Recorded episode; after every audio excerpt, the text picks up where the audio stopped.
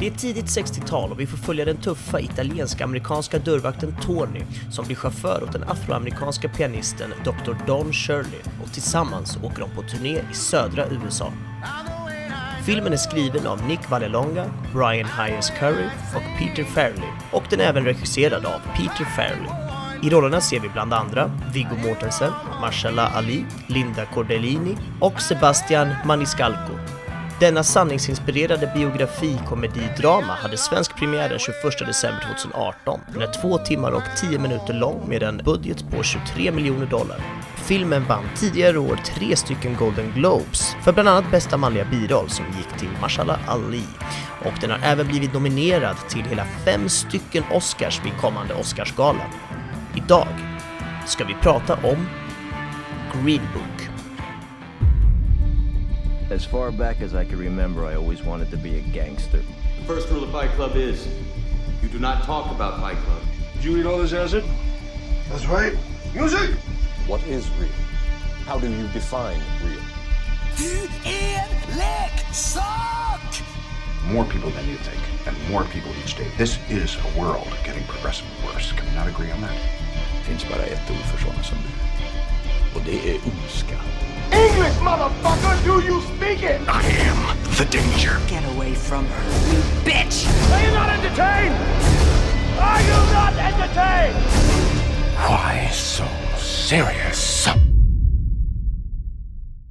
Hej allihopa och välkomna till ett nytt avsnitt av Spoiler alert med mig Joel Keskitalo och min vän. Benjamin Gabrielsson. Och idag så ska vi snacka om filmen Green Book och inte The Green Book utan Green Book bara. Jaha, finns det en film som heter The? Nej, det där är inte, eller det kanske det finns ärligt talat, men jag har i mitt huvud förväxlat det ända Okej. sedan jag fick reda på att den här hette Green Book så har det bara naturligt liksom rolled off my tongue lättare att säga The Green Book. Men Ja. den heter ju alltså bara för nu blev jag osäker också, visst heter den bara Green Book? Ja, den heter bara Green Book. Den heter bara Green Book, då så. Eh, så jag tänker vi djupdyker direkt. Hur, för du valde den här filmen och Ja. eh, vi har ju en liten rolig grej.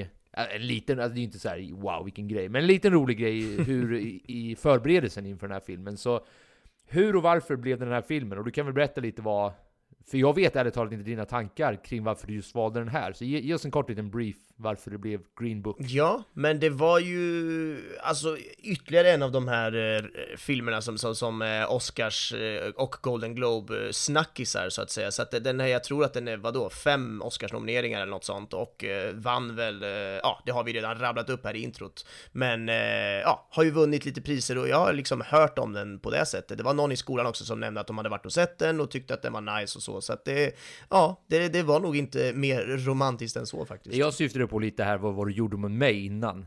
Hur du låste in mig i en skrubb och vägrade släppa ut mig i hopp om att Nej, jag skulle vara helt säg inte blind. det. Säg inte Ja, okej, till alla vi, vi får ta light-versionen av vad som Ja, hände. det får du verkligen göra. Nej, jag bara. Nej, men vi, vi la ju upp det, eller du la ju upp det rätt snyggt här. Jag berättade ju för dig för ett tag sedan att jag och vår gemensamma vän Johan gick och såg eh, Arrival. Mm. Och eh, vi gick in där, eller jag åtminstone gick in där med förväntningar att vi skulle se Passengers, vilket var en annan rymdfilm som var väldigt aktuellt samtidigt som den. Så jag hade alltså helt fel bild över vad, vad jag skulle se. Och därmed blev jag ju såklart golvad av allting som hände. Det var liksom, det var fel skådespelare. Det var fel events, vad jag trodde det skulle handla om. Och framförallt var det fel titel på filmen. Så jag bara, vänta, har jag gått in på fel, i fel salong här eller? Men det var alltså bara i mitt huvud där det rör, rör till sig. Poängen med allt det här var att det var en sån fantastisk upplevelse att gå in helt blind. Ja, Att inte ha någon sorts aning om vilken film vi ska se. Så long story short, vad du gjorde helt enkelt var att hålla den här filmen så dold som möjligt för mig tills jag verkligen satt i biografen. Och inte ens då visste jag, jag visste liksom inte förrän slutet på filmen vad, vad den hette. Så du golvade mig helt enkelt genom att välja en film, håll det dolt för mig och sen bara låta mig se den liksom. ja, men vad härligt. Och det levde upp till dina icke-förväntningar får vi väl säga då ändå, eller?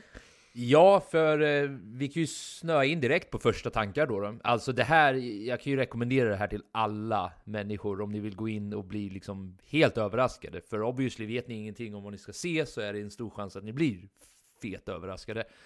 Eh, men det var ju fantastiskt. Alltså det var ju rätt sorts film också vill jag hävda. Alltså det var ju jag vet inte, du, du tog ju inga stora risker. Vi kommer gå in lite djupare, liksom att det här är en film som passar de flesta. Du tog ju inga risker med en Roma till exempel, eller en Mission Impossible som ändå strätar ganska, ganska extremt åt, åt sina respektive håll. Ja. Men nej, jag njöt ju varenda sekund i den här biografen. Mm. Jag njöt ju, jag, jag skrattade ju väldigt mycket och jag grät, alltså inte storgrät då, men den var ju stark stundtals. Så jag kände ju tårarna rann i för kinderna, vilket jag älskar när filmer får en att reagera på det sättet. Så Mm. första tankar är absolut positivt, två tummar upp. Ja, vad kul. Eh, jag håller med. Jag fick också väldigt, jag visste ju också ganska lite om, om filmen innan. Jag visste ju vad den hette och att den har blivit nominerad och vunnit några priser, men jag liksom kollade inte upp speciellt mycket om den och vad den handlade om och sådär. Så att jag gick in ganska eh, ovetandes också. Och det var ju som du säger en härlig överraskning och jag spontant tyckte mycket om den också. Det, det var verkligen en ja, stark och härlig eh, stämning och man skrattade mycket, liksom härlig, lite road movie över det hela. Så det, ja, men det var en härlig stund att få sitta och kika på faktiskt. Jag måste fråga dig innan vi dyker in i själva filmen, Mm. för jag tycker du sa någonting fint där, att det var en liksom härlig stund som vi hade tillsammans. För jag Ja. tänker, jag hade en unik liten känsla av att jag trivdes väldigt bra med folket i salongen också. Alltså jag tyckte att, ibland kan jag ha ett problem när jag sitter på en biograf, när folk skrattar och nu kanske jag låter som ett jävla svin här, men eh, alltså det kan göra mig tokig när folk skrattar åt saker som inte är roliga. Ja, precis. alltså jag De kan måste här, skratta när du helvete? skrattar. Ja exakt, de måste skratta när jag skrattar. Eller åtminstone hålla käften när saker inte är roliga. Alltså, Ja. hur kan alltså, det där var inte ens tänkt som ett skämt, och om det är det så var det bara ett jävla billigt skämt, så jag kan bli tokig med sådana grejer. Ja. Men här kände jag att det var bara kul. Typ han jag satt bredvid, han garvade precis lika mycket åt jag åt exakt samma ställen, så det var Ja, som att nice. vi fick en liten connection där bredvid varandra.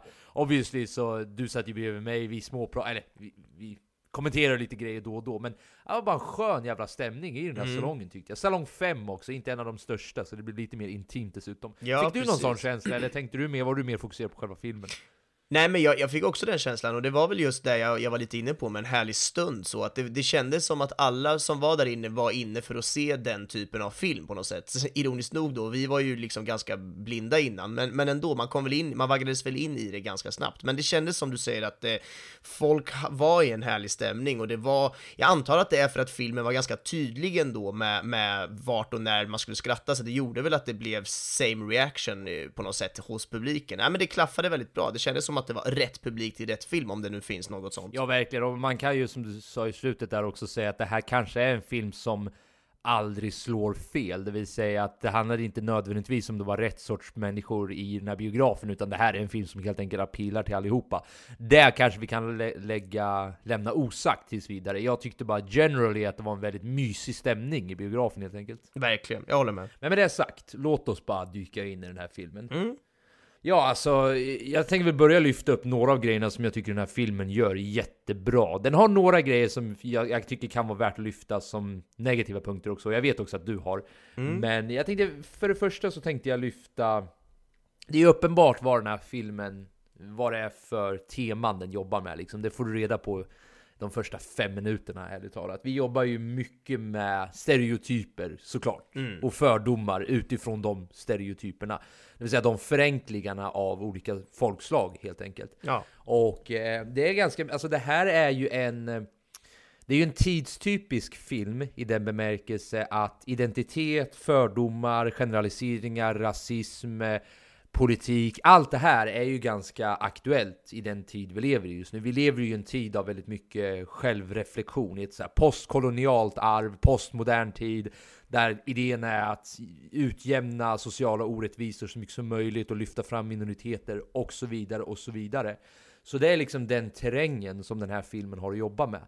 Men det är också en ganska bumpy terräng, för det är en väldigt känslig, det är ett väldigt känsligt klimat vi lever i just nu, där ett felsteg i den här terrängen kan kosta dig jobbet, ärligt talat. Alltså det finns absurda berättelser om människor som har tweetat saker för x antal år sedan, som nu lyfts upp som bevis emot dem för att lyfta deras homofobi till exempel. Medan de här personerna, och jag säger inte att alla nödvändigtvis är oskyldiga, men jag säger bara det att det här, det här är det klimatet vi lever i just nu. Så när jag satt och tittade på den här filmen så tänkte jag, hur kommer de här hantera det här utifrån klimatet vi lever i idag? För det är ganska lätt att fucka upp och därmed få ganska negativa reviews. Alltså förstår du vad jag menar? Vi, vi Ja. pratar liksom om vi har italienare med, vi har asiater med, vi har svarta med, vi har vita med, vi har rednecks med, vi har poli- Alltså Mm. det är så många så här grejer här vi, som de kan liksom tappa hela konceptet och så är vi inne i någon sorts, okej, nu blir det nästan lite weird här, nu, nu är vi liksom för mycket åt det, vad ska man säga, åt det generaliserande hållet. Ja. Så det, det här är liksom den terrängen som den här filmen jobbar med. Men, och som jag sa till dig efter filmen, när vi, när vi gick hem från biografen också, att det är fascinerande hur ännu en tolkning av den här konflikten mellan svart och vit kan, du vet, hur, hur, det, det är liksom ett koncept som har gjorts på hundratals olika sätt. Men sen slog det mig att det här är ju en unik take på det sättet att det rör sig ju mer, alltså ta till exempel Viggo Mortensens karaktär Tony Lip. Mm. Han är ju inte vit, vit så att säga. Alltså han är ju inte den vita stereotypen man ofta ställer emot den svarta Nej, stereotypen, precis. utan han är ju en, han är en del av en annan minoritet. Mm. Vilket gör att det här minfältet blir lite lättare att ta sig över. Förstår du vad jag menar? Ja. Det hade varit, och, och dessutom då får vi den här unika, jag, jag säger inte att den är helt unik, det finns säkert massor med liknande du vet, vägar som har gått Mm. ungefär enligt samma recept som den här. Men där den får bra genom att introducera de här olika minoriteterna, det är att det inte finns någon tydlig hierarkisk ordning mellan just de här två. Alltså han må vara vit, men han är också en del av en förtryckt minoritet. Det finns ju en scen då han, där han konfronterar, de är i- i sydstaten och gör sin grej här liksom. Och då, när han vill att, vad heter hans karaktär nu igen? Dr. Don Shirley heter han va? Just det. Ja. Han vill släppa ut honom någonstans ifrån. Jag kommer inte ihåg om det är då han har kommit in i fängelse eller om det är då polisen håller på med det eller någonting. Och då säger ju han till honom 'You are half n-word yourself' Ja. Och det var ju lite synen de hade på italienare och till viss del kanske fortfarande har att de är liksom en del av en minoritet fortfarande. Mm. Men jag ska summera upp den här lilla ranten så att du ska få svara sen. Det jag tycker de gör bra som sagt, är att de har alla de här stereotyperna. Och vi har det här klimatet som jag precis har presenterat. Men ändå så, genom en smooth, härlig, väldigt så här karismatisk car ride genom sydstaterna så lyckas den helt enkelt undvika alla de här minorna som vanligtvis skulle kunna explodera och då få internet också att explodera. Mm. Så ta det därifrån. Om vi bara börjar med tesen att vi jobbar mycket med stereotyper och fördomar här. Hur tycker du att, du han- att eh, filmen hanterar de här stora, ganska tunga elementen? Ja, precis. Nej, men jag tycker det är väldigt intressant det du pratar om och det är, det är ju jag vet inte om jag kan liksom på något sätt säga om det är rätt eller fel eller bedöma på något sätt. Det får väl nästan var och en så här egen minoritet på något sätt svara på kanske. Men, men jag kan väl i alla fall säga vad jag tycker och som du säger så har de gjort ett väldigt bra jobb med att inte trampa på, i fel, i fel, på fel ställe helt enkelt. Den känns ändå som att den är inom ramarna. Det känns ändå som att den är sådär lagom fel eller vad man ska säga. Att det, det, det, det är fel för att det var så här det var då och jag kommer lite in på det nu också men den, den är ju liksom inspirerad av en sann historia står det. Inspirerad är intressant ord just i det sammanhanget för det betyder väl ofta att ja, inte så mycket är väl kanske baserat på en sann historia utan snarare inspirerat. Men ändå, den har slag och drag från en sann historia och jag tror att det är framförallt de här karaktärerna, alltså Tony och eh, Dr. Eh, vad sa vi? Dr. Don, Don Shirley. Shirley. Precis, och eh, jag tror att väldigt mycket är ju då baserat på just deras relation och deras vänskap, för den vet vi har funnits på riktigt och den har, har föräldrar och familj och sånt har, har kunnat prata om det och, och kunnat varit med och gjort den här filmen. Så att jag tror att bara det att de två karaktärerna är så unika och har en så härlig stämning mellan varandra gör nog att jag eh, köper det mesta väldigt, eh, ja men så, det känns genuint, det känns äkta, det känns, känns autentiskt, även om det då och då är snudd på att bli lite överdrivet, alltså när det kommer till stereotyper och att de ja, kanske går över någon slags gräns ibland. Men som jag är inne på, det, det känns ändå trovärdigt och det är ju också 62, liksom 1962, det, det, det var en helt annan klimat, ett helt annat tid eh, och rum som, som man befann sig i och då, då såg samhället mer ut så här. Så att, nej, jag, jag kommer nog också landa vid att jag tycker den funkar bra, att den inte gör några major fel här som den skulle lätt kunna ha gjort. Nej, precis. Och jag skulle vilja lyfta upp några exempel där jag tycker att att, eh, för grejen är att de jobbar som sagt väldigt bra också med att introducera hur nyanserna egentligen ser ut. Ja. För eh, de här stereotyperna och de här fördomarna blir sen ihopbundna i olika sorters identiteter. Och jag ska inte göra överdrivet komplicerat nu, jag använder stora ord där, jag vet. Men det är att, eh, mina, mina tankar här är så här, alltså de börjar med att visa upp en ganska ensidig bild av de här ja men raserna, jag gillar knappt att använda det Nej men själv, egentligen men- så är det ganska fel Etniciteterna. Ordet, ja, för ordet ras på engelska har en helt annan betydelse än ordet ras Ja, på svenska. precis. Så man ska vara lite försiktig med det på svenska. Jag hoppas ni lyssnare förstår vad jag menar. Etniciteter, Ja, hudfärg, liksom, kulturell tillhörighet. Put in the word där liksom. Eh, så de börjar med en ganska ensidig bild av samtliga här. De börjar liksom med att italiano, det är liksom, de är väldigt stereotypiskt italienska. Mm. Eh, de kommer ner mot eh, sydstaterna då, då och då ser vi en väldigt förenklad bild av eh, den svarta underklassen kan man säga. Mm. Jag syftar på när de sitter i den där, på det där motellet och han, Dr. Don Shirley, blir anklagad. eh, Ja men gud vad är du för fin för oss eller? Du beter dig som en viting liksom. Och det här är ju ett problem i det, i det svarta communityt liksom. Jag har hört flera svarta intellektuella prata om, eh, vi har ett uttryck för det här i Sverige också, jag tror man säger husblatte. Alltså hela idén om att det skulle vara någonting pinsamt för, du vet, invandrare eller svarta att på något sätt sträva efter till exempel bra betyg. För då blir man klassad som vit och du vet, ja men rasförrädare. Det här är Ja. inte mina uttryck by the way, utan det här är någonting jag liksom, så här pratas det om i sådana cirklar. Mm. Nej, men så man börjar med en ganska stereotypisk och ganska ensidig bild av de här. Vi har till exempel The Rednecks också nere vid sydstaterna. Också väldigt stereotypiska rednecks. Det, liksom, det, här, det finns ingen nyans i de här, de är bara svin. Eh, och det fortsätter så här. Poliserna i sydstaterna, samma sak där. Väldigt ensidig bild. Väldigt, ja, vilka svin poliserna är. Och det här är liksom en, den först, de första delen av filmen. Men ju mer vi vaggas in i den här filmen, desto mer introduceras ju den här nyansen som jag är lite ute efter. Att identitet landar inte nödvändigtvis i din hudfärg. Identitet landar nödvändigtvis inte i ja, men din familj eller någonting. Det kan mycket väl göra det, men identitet är ju någonting mycket mer komplicerat än så. Ta till exempel Don Shirleys situation som han befinner sig i, och jag tycker hans citat när han har bråkat med Tony Lip i bilen då, då om att Tony säger att jag är närmare ditt slag än vad du är. Jag, liksom, jag bor du vet, i närheten av svarta i Bronx och jag, jag lever på samma, du vet, samma sorts boenden som dem och vi är gjort av samma sot och korn. Så jag är mer svart än vad du är. Han säger ju basically något sånt där. Och då kliver ju Dr. Don Shirley ur bilen och du vet, freakar ur. Så han har ju en fin line då, så där han säger So if I'm not black enough, and if I'm not white enough, and if I'm not man enough, then tell me, Tony, what am I?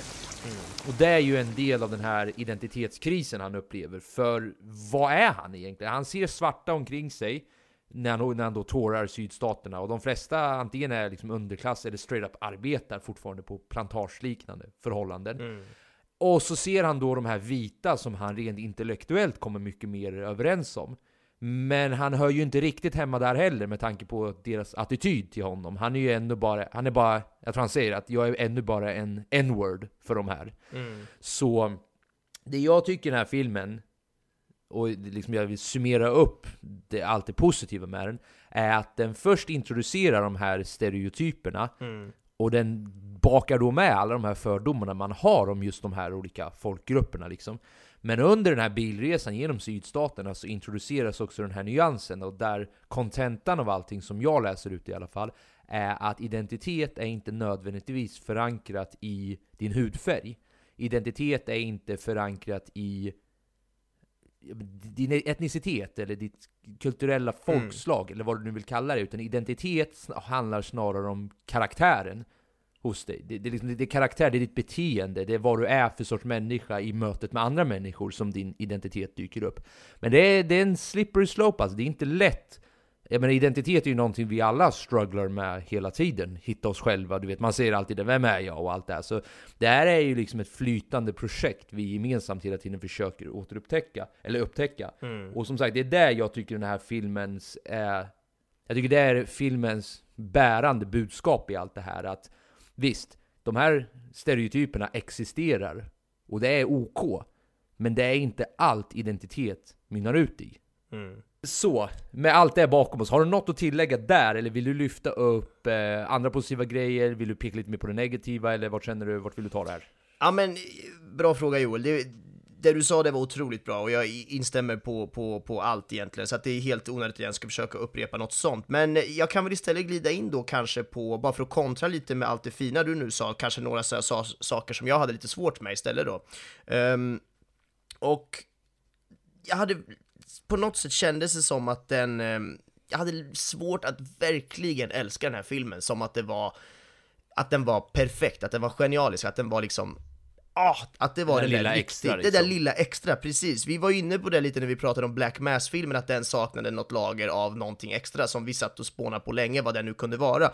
Men här så tycker jag att den känns, alltså den känns, den överraskar liksom inte direkt på något sätt. Den, den, är lite platt ibland, den är lite kladdig stundtals. Alltså just att det, jag tänker specifikt på några scener, men det är väl typ när de är på ett av de första motellen där och, och um, Tony går ut på sin balkong och kikar ut och så ser ju han då Dr. Don Shirley, då ser han sitta där, han ser ju honom sitta och, och, och dricka sin whisky och då så direkt så drar det igång några sådana här väldigt tydliga stråkar som säger till oss att åh, tyck synd om honom för det är synd om honom, han mår dåligt och det Ja, jag förstår det ändå. Jag känner den där känslan redan och där blir jag väl lite sådär, ja men det är väl något slags övertydligt. Det är show don't tell-grejen som jag snarare skulle vilja åt, att, att det behövs inte alltid det där, vi får med förstå det ändå, speciellt när det är en stark story, det är starka karaktärer och det finns mycket sådana eh, poänger som kommer fram ändå. Du har ju lyft så mycket av det redan nu med olika stereotyper och att de gör det här på rätt sätt. Och jag tycker verkligen att de gör det, men så känns det som att de ändå helt plötsligt tar ett litet steg för långt, eller de snubblar lite där, de vill så gärna att vi ska förstå allting och då blev det lite för mycket. Så det finns ett par sådana ögonblick i filmen där jag bara känner att nej, där blev det lite för kladdigt, det blev lite för ja men det är ju i grund och botten en feel good film det, det, är det ju verkligen. Man mår ju bra under större delen av filmen och man kommer ut med ett leende på läpparna efter man har sett filmen. Så att det, det jag förstår ju att de vill få en att, att känna, men ja, nej, jag tycker att den, den gick lite, lite övertydligt åt vissa håll där då. Nej, men jag håller med dig. Alltså det var några scener jag också tyckte att det blev lite väl övertydligt och det, det, var, det var en sekvens som jag tänkte peta på dig och säga att där gick de ett steg för långt. Eller typ, mm. nej, jag tänkte säga att hit men inte längre.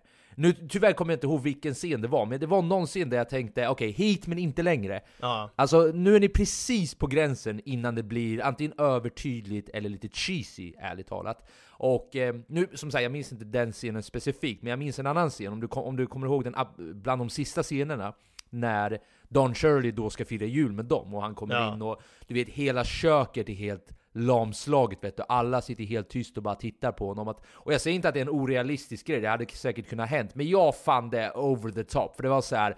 Oh, wow, titta vad sjukt! Han som inte gillade svarta och nu ska en svart komma och fira jul med oss. Hela bordet måste stanna, stanna upp och stirra på honom. Ja. Jag tyckte att det där var ett exempel på att det gick too far lite där. Precis, och det finns ju flera sådana grejer, jag har till och med skrivit upp den sista scenen nu som du pratade om, som en sån, där det kändes som att vi, men vi förstod, det var ju väldigt eh, inte speciellt oväntat att han skulle dyka upp där och plinga på hemma hos dem. Det förstod man ju i, i stort sett direkt när han hade lämnat av honom första gången. Och speciellt sen när han kommer hem till sitt stora tomma hus med liksom e- elfenben på väggarna och man bara kände, ja, han, han kommer ju åka tillbaka till dem. Absolut, och den grejen köpte jag ändå i den typen av film de hade visat upp här för oss. Det, det, det, den kändes ändå, jag, jag köper att han ska tillbaka dit för det knyter ihop den här fina säcken och det var säkert det som hände på riktigt också, för det känns som en sån grej man hade kunnat gjort. Så att, äh, jag köper det, men då är det precis sådana där små detaljer i den scenen, som du precis nämnde då, till exempel att alla sitter där helt tysta och gapar och så här, ja men det är ju flera gånger under filmen där den bara, ja den snubblar, den tar ett steg lite för långt och det är väl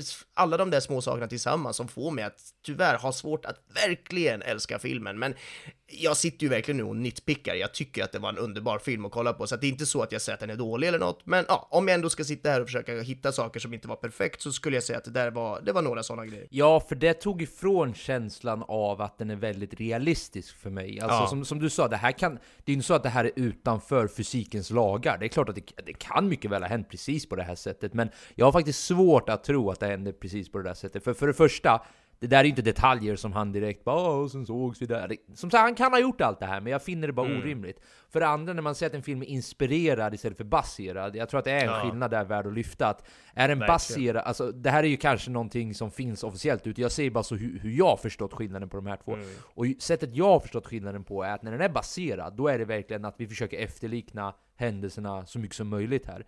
När den är inspirerad, då kan man snarare ta händelserna och göra sin egen lilla spin av det.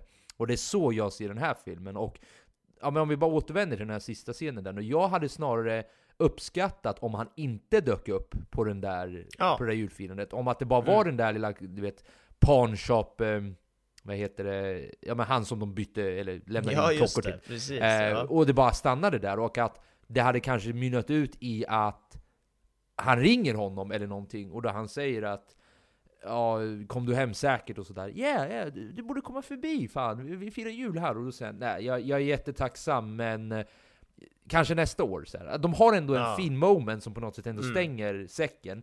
Men då behåller de också de här realistiska undertonen som jag tycker har burit filmen fram tills nu. Och det, det är precis som du säger, det här är nitpicky, allting. Men, ska jag vara helt ärlig här, så det är såna här grejer jag tycker är kul att lyfta. För det är nå- någonting inom mig Mm. som kändes fel. Och när det känns så, då vill jag försöka utforska varför det här kändes lite off. Så jag förstår vad du ser här, och jag såg det också Ja. throughout the movie. Men för mig blev det på något sätt att the feel good tonen de hade över allting dränkte på något sätt allt det här för mig. Eh, jag såg det, och jag bara släppte det för att on to, on to the next feel good moment liksom. Ja, nej verkligen. Och, och det, ja, jag håller med. Det- Den där sista grejen hade, som du säger, hade kunnat gått att göra på ett annat sätt. Och det hade ändå gått att knyta ihop den säcken på ett väldigt fint sätt. Kanske till och med ett ännu finare sätt, just eftersom det inte hade blivit så där övertydligt och självklart att han ska dyka upp där. Så, ja, Ja, alltså jag har ärligt talat inte jätte, jättemycket mer. Det här, jag kände väl den här, alltså i, i mitt sätt nu att värdera den, att det kändes ju... För, för du sa tidigare att den kunde bli lite platt ibland förut, och jag tänker att det, Ja. man kan dra paralleller till vad det är de gör, att de åker liksom en roadtrip ner i sydstaterna, och då kan det tendera ibland att bli lite platt, ärligt talat. Men det, det jag också vill lyfta fram, det är deras, och det här kanske handlar lite mer på den tekniska sidan, det vill säga karisman och dynamiken mellan Viggo Mortensen och Mahershala Ali, säger man så? Mah- Mahershala? Svårt att Ja, uttala det är svårt namnet uttala. rätt, men det, det, får, det får folk ni, förstå. Ni som har problem. lyssnat tidigare vet att jag har more problem than most. Namnproffset, jo. Är det inte svenska eller engelska, då går det inte. Nej. Eh, nej men eh, värt att lyfta upp är väl att det, det som gör den här filmen, förutom de här elementen som jag tyckte var värda att lyfta fram, för jag tycker att det var ju liksom budskapet i, i filmen.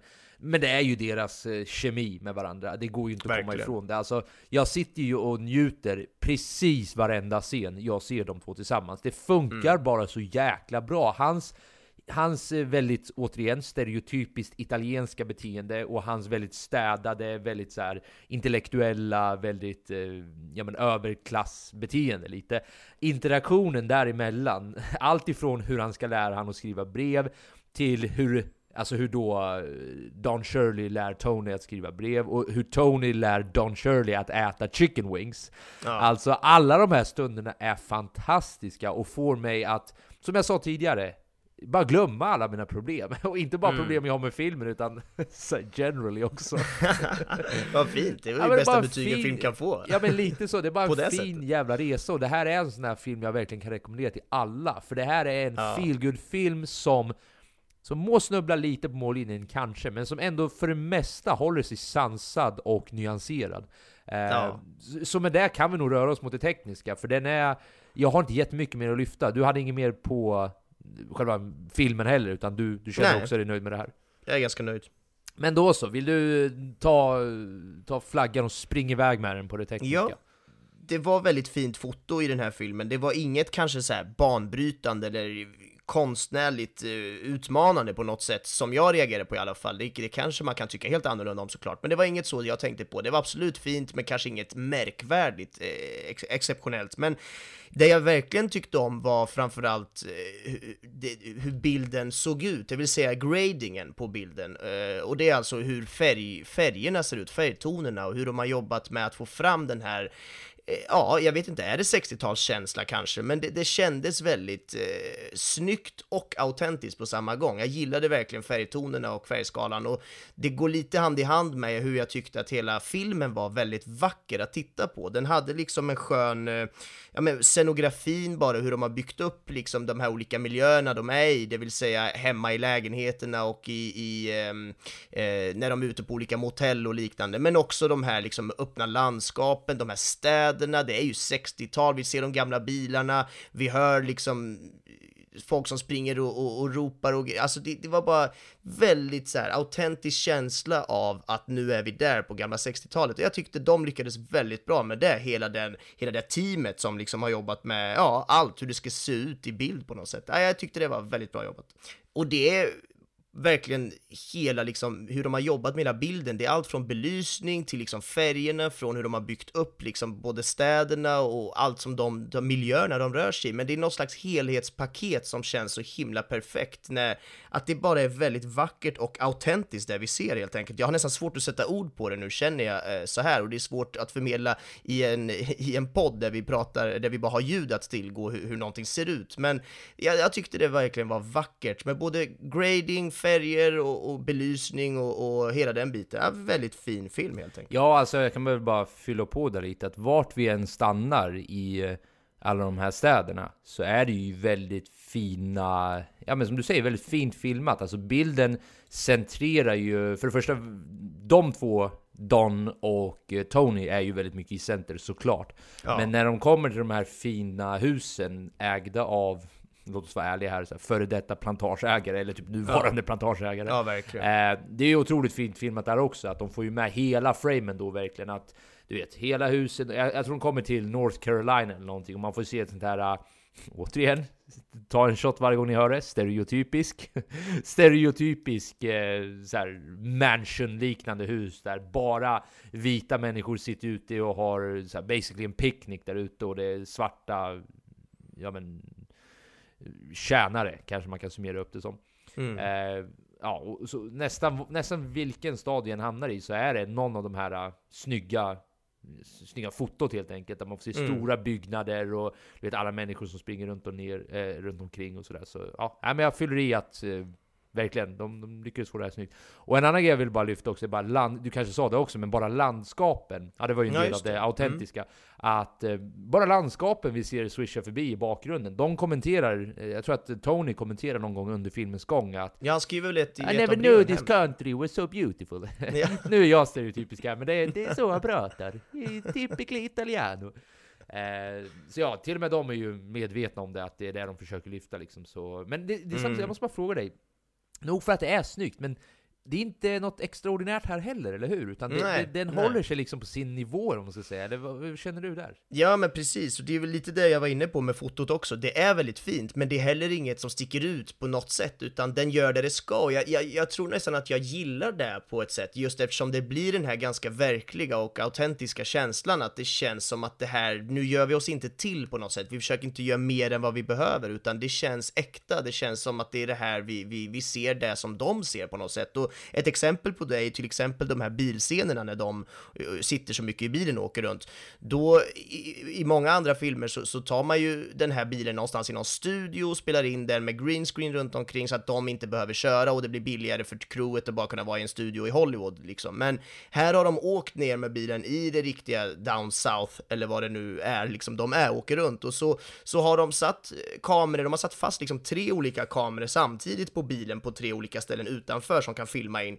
Och så har de satt upp lampor på taket då som som sticker ut lite över kanterna vid sidorna då, som kan lysa in lite så, så att det skulle kunna kännas lite som solljus då för att, för att lätta upp ljuset, för det blir lite mörkt i en bil för de här kamerorna och försöka ta in det naturliga ljuset, så man behöver lätta upp med lite lampor. Och då har de byggt upp den här riggen på den här bilen som då Tony eller Viggo Mortensen som det nu är, eh, kör runt i. Och, och, och, det blir ju väldigt, väldigt äkta av det. Och det är jag glad för, för det hade varit tråkigt om de skulle sitta så här många timmar eh, i en bil och det, det skulle vara liksom inspelat i någon studio i Hollywood, då hade man inte alls tyckt att det kändes lika äkta och, eh, och eh, ja, autentiskt för att använda det uttjatade ordet igen. Så att, nej, jag tycker det var väldigt bra jobbat. Mycket sånt verkligen, där de har satsat på att få den här äkta känslan. Ehm, kul också att både Marshall Ali och eh, Viggo Mortensen, båda fick varsina nomineringar nu i dagarna för eh, sina skådespelarprestationer. Det var ju Viggo Mortensen då för, fick för bästa manliga huvudroll och eh, Marshall Ali för bästa manliga biroll ja, det, om vi ändå ska glida över på kanske den biten, hur Ja, jävla bra de två är. Eh, du kan ju köra på om du vill. Ja, nej, men jag vill bara poängtera att kommer du ihåg när vi gick hem från biografen och du sa att det var bara Mahershala som hade blivit nominerad? Ja, jag fick för mig det, men du det var ju för det där, ja precis. Ja. Och vi båda ställde oss ju frågande till, vänta hur kan den ena parten i det här bli nominerad och inte den andra? Och Mm. eh, om jag ska vara helt ärlig så hade det makeat mer sens om bara Viggo Mortensen var nominerad. Men nu fick, jag, nu fick vi båda som vi ville, att båda var alltså nominerade, eller är Ja. nominerade.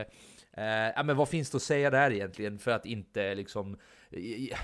Det, det är ganska klyschigt och ganska, eller inte klyschigt utan det är en ganska trivial iakttagelse att säga att eh, Wow, alltså det är klart att de två gör ju filmen. Det här är ju en, och jag tror jag sa det er under filmen också, att det här är ju en sån där The Intouchables-känsla.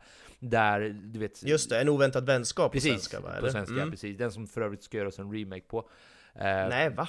Ja, En amerikansk på, en amerikansk remake på den, Ah, ja, precis. ja, Ja, okej. men eh, Ja, ja. hold your horses, vi får se. Alltså, jag, det, det finns potential för den. Vi, vi kan prata om den off, eh, off podcasten, Det men kan vi det, göra. det finns potential där eventuellt.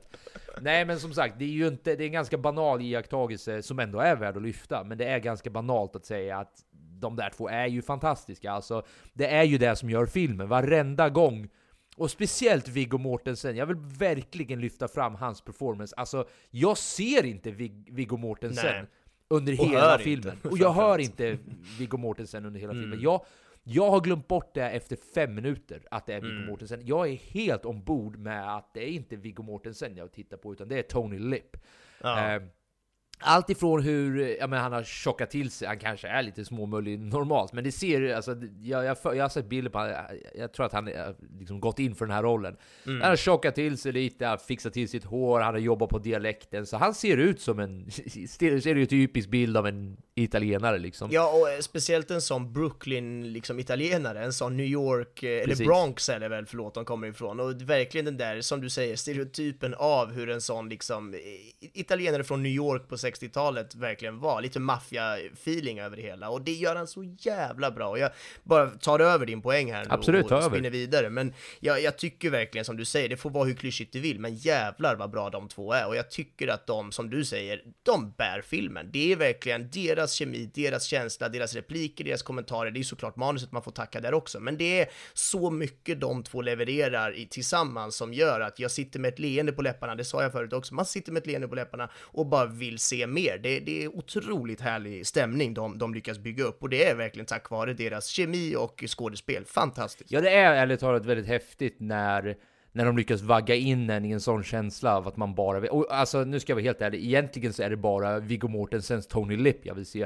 Och åtminstone i början... Nja, det där stämmer faktiskt inte riktigt, för ju mer vi lär känna Dr. Don Shirley, desto mer intressant blir han också som karaktär. Han känns ju tråkig och I början först, gör han men han har ju så många andra Exakt. lager också, det förstår man ju Exakt, mer och precis. Så mer. jag ska vara försiktig här nu, men anledningen till varför jag säger så är ju för att ja, men han står ju ut så mycket i, utifrån hur rollerna han vanligtvis spelar och den du vet, vanliga karaktären han brukar spela till att gå till en sån Mm. här karaktär. Alltså det, det, jag tycker det hoppet är jävligt fascinerande. Och, alltså det där är ju skådespeleri, så jag menar det där är deras jobb. Han får betalt för den Ja. skiten. Men som sagt, vi noterar det här och Oscars noterar det också, att deras performance är definitivt värd att hylla. Och jag tror jag sa till dig efter Ja. att jag fick lite samma känsla av Tony Lip, eh, det vill säga Viggo Mortensens karaktär, som jag fick av eh, J.K. Simmons, visst är det så? Från Whiplash. Mm. Eh, att, att det var Whiplash. bara, och nu, nu inga jämförelser i övrigt här nu, jag, jag säger inte att varken deras liksom, dialekt påminner om varandra, deras karisma påminner definitivt inte om varandra, men just sättet de grep min uppmärksamhet på påminner om varandra. Att jag bara var väldigt addicted till att höra, eller till liksom fortsätta se dem eh, prestera. Ja. Eh, så det var en liten intressant eh, liknelse jag hittade inom mig själv där mellan dem. Ja, det var väldigt fint. Uh, ja, en, en sista grej jag skulle vilja lyfta här på det tekniska också är ju pianomusiken som, som de spelar så mycket. Det är väl det som han Dr. Don Shirley spelar. Han spelar ju liksom piano, han är ju pianist, eh, världsklasspianist liksom i filmen, det är det han spelar. Och den musiken är väldigt imponerande att höra på. Och den, eftersom det är sån, sån liksom högklass och kvalitet så är det bara helt fantastiskt. Så att de dessutom tycker jag de har gjort det extremt snyggt, att, att det verkligen ser ut som att det är Marshallah Ali som sitter och spelar ofta vid, vid pianot. Och det är det ju obviously inte för att det är liksom otroligt svåra stycken de spelar. Eh, jag kan smita in på en liten sån trivia-grej här, men att ett stycke där som de spelar, du vet när han kommer in på den här puben eh, efter att de dissar den där sista spelningen och... Den där jazzklubben. Precis, typ. de går in på en annan klubb där, där det är liksom så mer, eh, ja men vanligt folk får man väl ändå säga jämfört med den där snobbiga vita överklassstället de var på först som de inte fick äta på. Så när de kommer in där och han tar över och går upp och sätter sig och spelar pianot på, på den lilla scenen så är det ett stycke då som, som är eh, Chopin då som är en eh, väldigt erkänd och stor gammal eh, pianist, jättekänd. Och jag ska inte ens rabbla upp vad det stycket heter, men det är sagt som att det, det, det är alltså ett av världens absolut svåraste eh, pianostycken att spela. Det har fått en nia på den här ratingen som, som, finns på hur svåra vissa skalor är och det är bara imponerande att, att, den, eh, att höra den och det är därför jag tror hela det här rummet stannar av för de har ju liksom aldrig hört något sånt förut och så kommer han in och bara levererar den lite sådär kaxigt på pianot.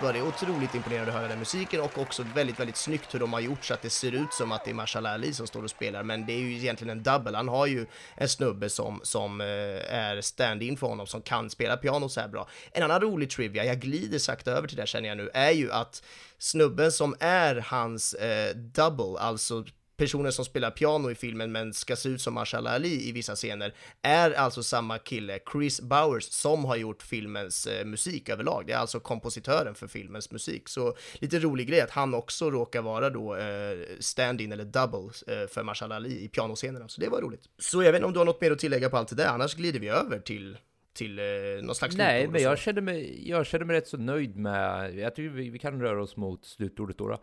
Och eh, ja, men jag drog ju min lilla rant förut om stereotyper och fördomar, så jag kan väl summera upp filmen med att jag tycker att den behandlar ett väldigt känsligt ämne, speciellt i de tiderna vi lever nu, på ett förvånansvärt friktionsfritt sätt. Mm. Och jag tycker den lyfter upp väldigt tydligt att det, det, existerar stereotyper, alltså stereotyper finns där av en anledning, men det är inte allting en människa minnas ut till.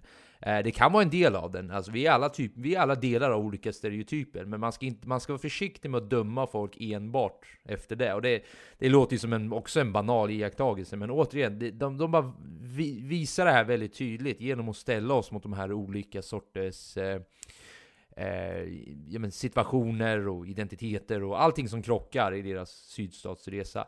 Är en lite banal stundtals, är en lite, du vet så här, ja, nu var det lite tell don't show här, tryckte ner mm. i halsen på. Svaret är ja på den frågan, enligt dig och mig i alla fall. Men i grund och botten är det bara en feel film alltså, som man mår väldigt bra när man tittar på dem. Och den är stundtals väldigt stark också, men ja, en film jag kan rekommendera till alla, helt enkelt. Ja, precis. Nej, men jag håller med. Jag, jag ska försöka inte återupprepa så mycket, men jag, jag, jag hade några punkter som jag tog upp som var lite negativa, det här med att det var kladdigt som du var inne på nu också, att det kändes lite, ja, överdrivet. Vi hade inte behövt vissa grejer, men jag tycker också att som helhet var det en väldigt härlig och fin film och, och verkligen feel good. Man mådde bra. Jag, jag ville se mer. Det var inte så att jag någonsin kände att jag inte ville se, att jag tyckte att den var dålig, utan det, det, det som var bra med filmen vann över de små negativa grejerna jag hade, så att det var ändå overall en väldigt härlig biofilm, eller en härlig filmupplevelse helt enkelt. Innan du berättar berättar för oss lite roliga fakta om den här filmen, a.k.a. Trivia, så har vi varsin favoritscen. Just det. Och eh, jag tycker, eh, som jag sagt så många gånger tidigare, svårt att hitta en favoritscen, många bra kandidater. Men min favoritscen var scenen när de kommer till, eh, de är någonstans i Indiana.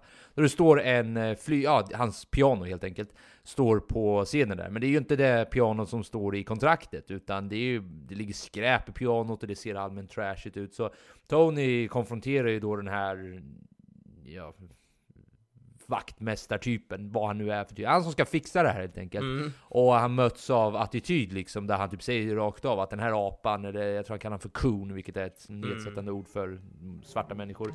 Come on, man. Man, These coons can play on anything you put in front of them. It's a piece of shit. And there's garbage in it. So take it out. What'd you say? You heard me. Hey, you got two, three hours. Just get a clean Steinway in here. Oh, there ain't a Steinway on campus. Not my problem. I bet there's not two Steinways in the whole state of Indiana. I guess you better move your ass in. Who you think you're talking to, greaseball? Eh, För det första är det en väldigt rolig scen, för jag tycker att där är han igen i sitt esse, alltså Tony Lip. Det där, är- det där är den sortens situation han var inkallad för. Att styra upp såna här... eh, När, när han behöver liksom sätta hårt mot hårt, då finns han där. Men jag tycker också att det ringar in hans karaktär på något sätt. Att han har, han har varit lite goofy innan, och du vet, man har, hur seriöst kan man ta den här killen? Men när han har ett jobb, och han var väldigt tydlig med det här innan också, där han säger bara Jag kommer ta dig till alla de här platserna, lugna ner dig, inga konstigheter. Jag har redan sagt ja till jobbet, jag kommer slutföra jobbet. Men här får man det ännu mer förstärkt här i att han verkligen, du vet så här, det är inget tjafs här, utan du ska fixa det här bara. Punkt slut, det står i hans kontrakt. Ja, jag vet inte, jag kanske inte har någon djupare anledning till varför jag gillar den här serien så mycket, men jag tyckte den var väldigt fin i alla fall. Och det, som sagt, det här är bara typ, vi är inte ens en timme in i filmen än. Så jag tycker det gav filmen den här skjutsen över till kanske nästa sorts tempo som vi får, som vi får resten av filmen. Eh, nej men så den filmen, eller den scenen gillade jag väldigt mycket. Ja, nej men kul. Det, det är ju otroligt svårt, eh, som vi alltid tjatar om. Och jag, jag har ju, borde egentligen lägga ner det här segmentet, för jag har så svårt att välja. Men jag tycker ändå det är kul också att reflektera över vad man gillade mest. Men det står lite för mig, men, men den här scenen jag pratade om, när han är inne på den här puben och börjar lira piano där för, för alla andra svarta människor som typ aldrig har hört det där förut. Det, den, är, den är väldigt härlig den scenen, för att man vill så gärna att han ska gå upp och köra eh, loss på det där pianot liksom. Och, och det får han göra, och där får han ju någon slags samhörighet med, med, med sitt eget folk där som man kanske inte riktigt har fått förut eftersom han, ja, som han säger, han är ju någon slags i mellanlandet mellan vit och svart just eftersom han umgås med vita överklassmänniskor och därför passar han inte in på riktigt på något ställe egentligen. Så att där får han en jävligt härlig connection med sitt eget folk och det var en väldigt fin eh, och härlig eh, scen att titta på. Så, men jag tyckte också att den här scenen när de är ute på och kör på, på vischan någonstans, också där i södern, och de får något motorproblem och så stannar bilen eh, och To- Tony går ut och liksom börjar fixa med motorn där och Marshall Ali går ut eh, och, och, och kollar liksom ut på fältet där och då ser han ju en massa svarta personer som står och jobbar där på, på fältet och det, det känns väldigt sådär att det skulle kunna vara, ja men bomullsplockar, slavar, hela den grejen. Jag antar att det inte är det, för det fanns väl inte ända fram till på 60-talet, men Nej. man får den vibben på något sätt och han står där och tittar och lutar sig med sina otroligt fina kläder och sin jättefina bil och att han också har en vit person som liksom tar hand om och kör honom. Det blir sån himla kontrast till de här människorna på åkern och helt plötsligt så står ju alla de på åkern och bara stannar upp med sitt jobb och står och tittar på honom för de har ju troligtvis aldrig sett en svart person som de so- som helt plötsligt är så liksom, det går så bra för honom och han har den bilen och en vit chaufför och bla bla bla. Och det, ja, det, det var så mycket starka känslor där och det var en sån scen där jag tyckte att de gjorde det ganska bra, de tog det inte för långt, utan där var det mest på att han stod ut och tittade ut mot dem och de tittade tillbaka och det kändes, det sa mycket ändå, det blev väldigt starkt i de blickarna som, som utbyttes där, så att eh, ja, den gillar jag väldigt mycket. Ja, det där fick mig att tänka på en väldigt tragisk grej över att eh, jag, jag kollade nyligen på en dokumentär, eller det var inte så nyligen nu, det var något år sedan, men jag såg en dokumentär om det amerikanska inbördeskriget och eh, vilket basically handlade om frigivandet av slavar. Och hur tragiskt det är att efter kriget, då när nordstaterna hade slagit sydstaterna, så såg Abraham Lincoln fram emot en läkarperiod för landet. Och sättet dokumentären lägger upp det här på är briljant egentligen, för den lägger upp det som att Abraham Lincoln nu efter att ha krigat i flera år mot sydstaterna över hela den här frågan om slaveri. Det, det, det är klart att det är mer komplicerat än så, men bear with me here. Eh, så de har alltså krigat om det här, de, båda sidorna har lidit fruktansvärda förluster, men nu ska landet äntligen läka och vi ska komma över den här frågan en gång för alla. Så blir Abraham Lincoln skjuten och sättet hans jag vet, tänkta läkarperiod för landet blir ju inte som han hade tänkt sig, utan det blir ganska hårda ganska hårda tider framöver. Och det är då tragiskt att se 100 år senare, nästan exakt, det var ju 1860 som eh, amerikanska inbördeskriget skedde. Det är tragiskt att hundra år senare är det fortfarande kvar den här sortens attityder mot svarta. Det gjorde mig Mm. ledsen ärligt talat när jag såg det, för jag fick en så tydlig bild över vad idéerna var om att komma över det här, men att på grund av Abraham Lincolns död och du vet, konsekvenserna av det, så, så kom vi inte längre på så lång tid. Så ja, det var bara en liten, liten off-topic instickare på just den scenen du lyfte, som jag glömde nämna tidigare. Ja, väldigt intressant. Men du, innan vi avslutar så har ju du lite intressanta fakta du har grävt fram och det är inte så att Benjamin är en Sherlock Holmes och verkligen har lyckats inte. grävt fram de här in the depths of the earth. Utan han är en slug just like you som bara gick in på IMDB, klickade in på den här filmen, scrollade ner lite och sen finns det trivia där nere. Återigen, inte riktigt så det fungerar Joel. Nu får du faktiskt börja ta dig i kragen här. Man trycker så? Fan, först på trivia och sen scrollar man ner. Du måste trycka på knappen just trivia. You got this bro, come on! I, I, should, I should be able to get this med tanke på att jag gör ju samma Ja, process som du gör gör. ju det varje gång. Det ja, my bad, my bad. Den finns åtminstone på um, eh, filmen på IMDB. Men berätta för oss nu, vad har vi för rolig fakta om den Ja, men det finns en hel del där som är lite sådana roliga grejer. Och eh, en sån grej är ju att eh, innan de började filma den här filmen så blev Viggo Mortensen då eh, som spelar Tony som vi vet, han, han blev inbjuden till Nick eh, Vallelongas familj. Eh, och det är alltså familjen som Tony Lipp, den riktiga alltså familj som, som finns kvar då. Och, de, och då fick eh, ja, Viggo Mortensen äta en stor middag med dem. Och då sa han det att det var liksom en verkligen sån sex timmars eh, italiensk eh, middag där man eh, Eh, ja, verkligen äter tills man inte kan göra någonting annat i princip. Och han tyckte ju att det var väldigt gott och han ville ju också vara väldigt artig, så han åt ju liksom upp allt som var på tallriken.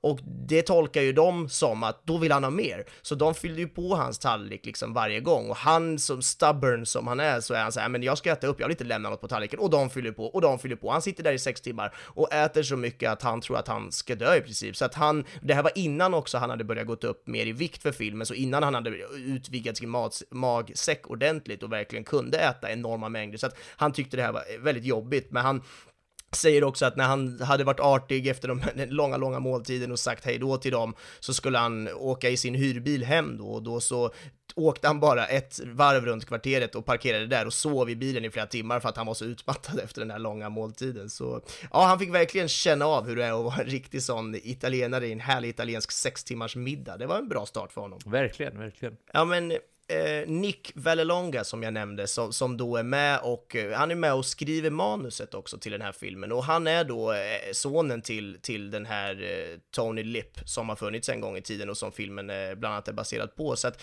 det var eh, en, en rolig fakta att han är med och skriver manuset, för det är, det är rolig fakta, men det, det är intressant just för det förklarar ju att det är väldigt baserat på Tony Lips riktiga liv och liksom sonen är med själv och, och, och, och är med och skriver den här historien. Så att det känns ju också som lite sån extra grej som är kul att veta just för att det, ja, det bidrar till, till eh, autenticiteten i det hela.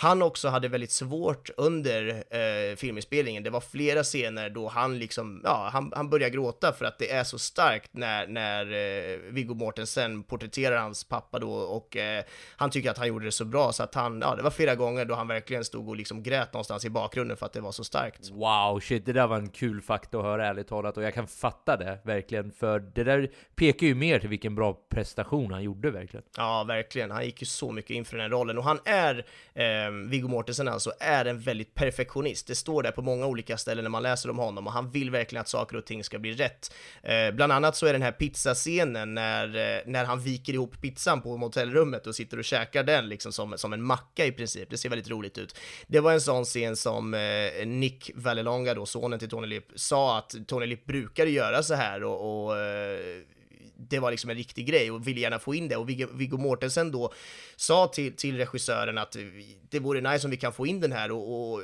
Peter Farrelly då som är regissören så var lite sådär, ah, vi har ganska många scener där han äter och det är en rolig grej av att han äter. Jag vet inte om vi kan få med det riktigt. Men eh, när de väl spelade in det sen så, så liksom började hela crewet skratta för att det var så himla klockren scen så att då slutade det med att ah, den måste ju vara med. Den var ju så given på något sätt.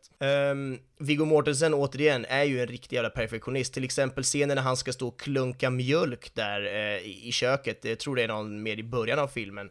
Så, eh, så är det, han klunkar ganska rejält med mycket med, med, med mjölk och då det själv så säger han att han vill ta om den scenen tre gånger, eller om det var fyra gånger på rad, bara för att han hade handen lite fel på, på, på flaskan, tyckte han själv. Och det, han dricker enorma mängder mjölk där bara för att ta om den scenen. Och han är även en sån person som äter ju, som vi ser i många scener, och han, han äter, han äter och han äter och han äter. Det är ju väldigt många som har en så kallad spit bucket eh, i, i amerikanska filmer, där skådespelare kan spotta ut saker de äter för att ta om det sen, för att de inte ska slippa, ja, de ska slippa äta allt helt enkelt. Viggo Mortensen har absolut ingen spitbucket, det finns inte för honom. Han äter allt, och när de tar om en ny tagning, då äter han allt igen. Och han, eh, ja, antar att han gick in så hårt för sin roll som, som den här lite stora, väldigt eh, glad i maten-killen som han spelade, så att eh, ja, han åt och åt och åt och åt den riktiga Tony Lipp, eh, som alltså Viggo Mortensen försöker porträttera här, eh, var också skådis faktiskt och var med i olika eh,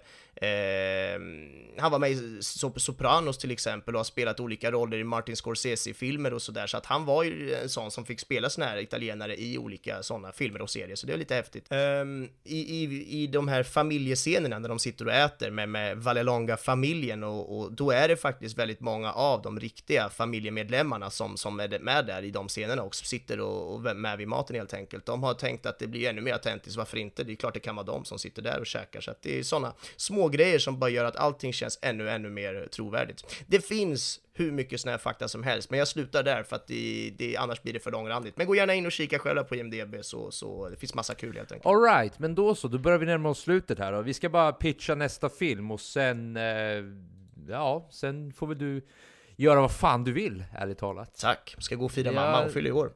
Nej just det, det gör Fast det är i och för sig imorgon. Jag, det vet jag för att jag också fyller imorgon. Woho! Grattis till Joel i förskott. Fast tack, när den här podden tack. kommer ut så har du redan fyllt, så Då har jag redan fyllt, jag så efterskott ja. Tack, tack så mycket, tack så mycket. Eh, nej men nästa film då, då. och ja, jag spännande. valde ju den här lite med omsorg nu med tanke på att det här är ju en Oscars-nominering för bland annat det vi sa tidigare, och ni har ju hört det i introt också, men Best Motion Picture of the Year innebär ju basically Best Movie of the Year. Vilken så, pratar du om nu? Den som du ska presentera eller den som vi har Både och. Ah, okay. eh, Green Book är ju nominerad som Best Motion Picture of the Year, vilket gör ja. att jag kontrar då med Black Klansman, ja. vilket också är nominerad till Best Motion Picture of the Year. Så nu har vi en potentiell jämförelse här vi kan prata om nästa, nästa vecka. Ah, så allihopa, Black Klansman. Den kan vara lite klurig att stava till, för det är såklart att det ska vara Triple K då eftersom... KKK ja, Ku Klux Klan-grejen får de in där mitt i namnet. exakt, exakt. Eh, så Black Clansman inför nästa vecka då, och eh, med det så tackar vi för oss. Ha en eh, fantastisk eh, fortsatt trevlig vecka så hörs vi igen nästa Ja, men det gör vi. Det där är också roligt. Vad ska du hälsa liksom? God kväll? Det beror ju på när de lyssnar, så att det är svårt. Men en, en fortsatt trevlig vecka var ju smart. Kan, det var en bra summering, för jag tänkte såhär, eh, ja, potentiellt lyssnar, vart de än lyssnar på det här så är det fortfarande en del av en vecka. Så vare sig ni lyssnar på det här söndag klockan 23.58, ha, fort, ha en fortsatt trevlig vecka. Underbart. Härligt. Tack för att ni har lyssnat. Uh, på återhörande. Yes, hej hej. Hej hej. Thank you.